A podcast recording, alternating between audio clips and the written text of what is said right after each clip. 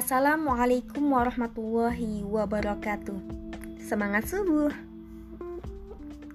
Mengapa ditunda-tunda? Seringkali kita menunda-nunda waktu beramal dan bertaubat. Padahal sangat mungkin kematian itu datang ketika kita sedang menunda amalan. Banyak contoh kejadian nyatanya.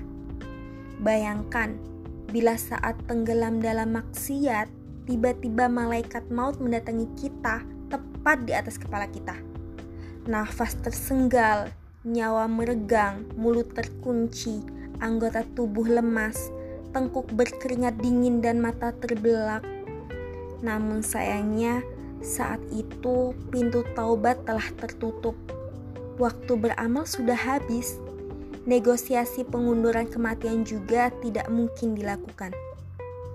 Terima kasih.